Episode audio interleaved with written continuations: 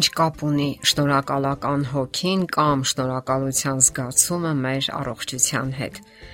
Այսօր շատ հաճախ կարելի է լսել շնորհակալություն բառը։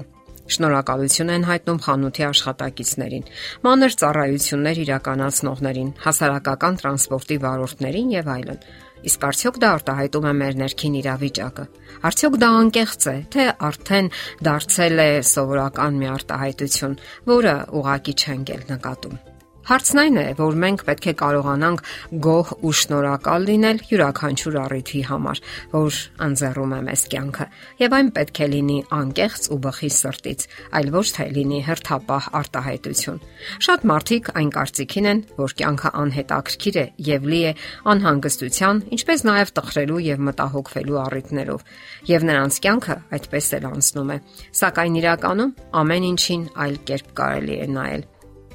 այլ մոտեցման դեպքում կյանքը անհամեմատ ավելի թեթև եւ ուրախ կարելի անցկасնել ու նաեւ գոհության հոգով։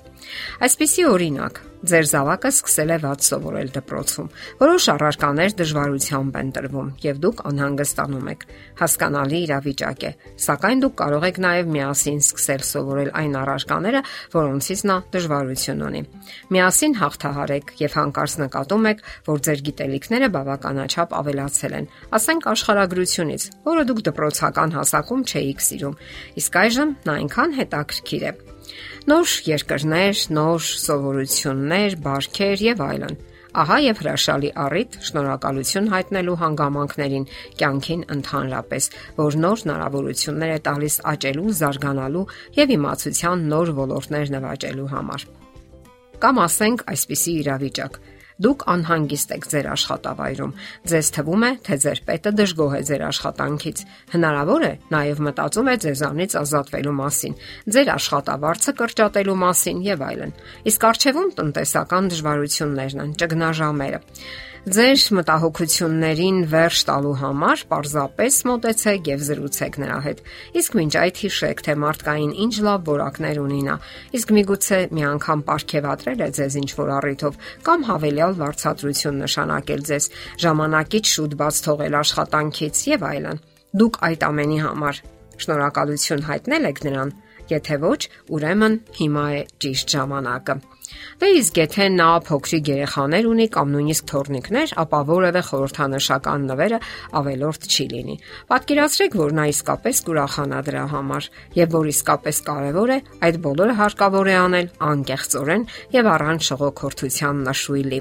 Պարզապես հիշեք, որ նա էլ ձեզ նման սովորական մարդ է իր բոլոր թերություններով եւ մարդկային արատներով, ունենալով սխալվելու հնարավորություն եւ իրավունք։ Չէ որ նա ձեզ նման շատերի ղեկավարն է եւ դուք միակը չեք իր համար։ Իսկ միգուցե ձեզ թվում է, թե դուք այլևս չեք վերահսկում ձեր կյանքը, որ ուրիշներն են որոշումներ կայացնում ձեր փոխարեն եւ որ ձեր կյանքը անհետաքրքիր ու ձանձրալի է։ Կարող եք մտածել, որ ժամանակն է փոփոխություններ կատարելու։ Նշանակում է, դուք հասունացել եք այդ փոփոխությունների համար եւ կարող եք իսկապես վերահսկել ձեր կյանքը։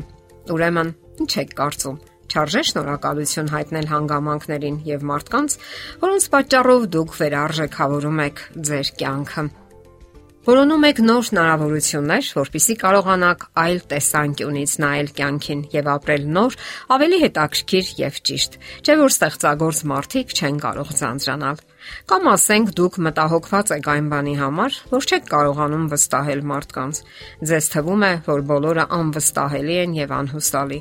Ամենից առաջ ասենք, որ այդպես չի լինում։ Ավելի հավանական է, որ դուք եք կասկածոտ։ Մեր շրջապատում միշտ էլ կգտնվեն մարդիկ, որոնց կարելի է վստահել։ Նաև, որ շատ կարևոր է, հիմա դուք պետք է ձեզ համար ճշտեք մի հարց։ Իսկ դուք ինքներդ վստահելի եք կամ ձեր շրջապատի մարդիկ կարող են վստահել ձեզ։ Սա անկարևոր հարց չէ, որովհետև հիմա դուք ունեք բոլոր հիմքերը ձեր հոգեկան աշխարհը փոխելու եւ դառնալու այն հուսալի անznավորությունը, որին մարդիկ կարող են վստահել։ Ահա եւ առիթը գոհանալու եւ շնորհակալություն հայտնելու ձեր կյանքում նոր հորիզոններ բացվելու համար։ Ուրեմն հիմնախնդիրն այն է, որ մեզ համակող հույզերը ավելի վնասակար ու կործանարար են, քան այն իրավիճակները, որ առաջացնում են այդ հույզերը։ Տևական տագնապներն ու անհանգստությունները բավականաչափ հյուծում են մեր օրգանիզմը։ Մենք թյուրիմացաբար կարող ենք մտածել, որ մեր խիստ գրաֆիկը եւ մեծականակ պարտավորություններն են սթրեսի առիթը։ Երբեմն դա կարող է ճիշտ լինել, սակայն առավել հաճախ ավելի վտանգավոր են մեր հուզական հակազդեցությունները, որ դրս դրսևորում ենք այդ իրավիճակների հանդեպ։ Նկատենք, որ որոշ մարդիկ ավելի թեթև են տանում այն նույն դժվարությունները, որոնցից ուրիշները հուսահատության ու դեպրեսիայի մեջ են ընկնում։ Այստեղ տարբերությունը մարդու հուզական ամրության եւ դրանք դրսևորելու եղանակի մեջ է։ Այսինքն կարևոր է թե մենք ինչպես ենք դրսևորում դրանք եւ ինչ ազդեցություն են դրանք թողնում մեզ վրա շեշտադրենք եւ կարևորենք մեր հակազդեցությունները։ Այսինքն, սթրեսը սպառնում է մեզ ոչ թե դրսից, այլ ներսից։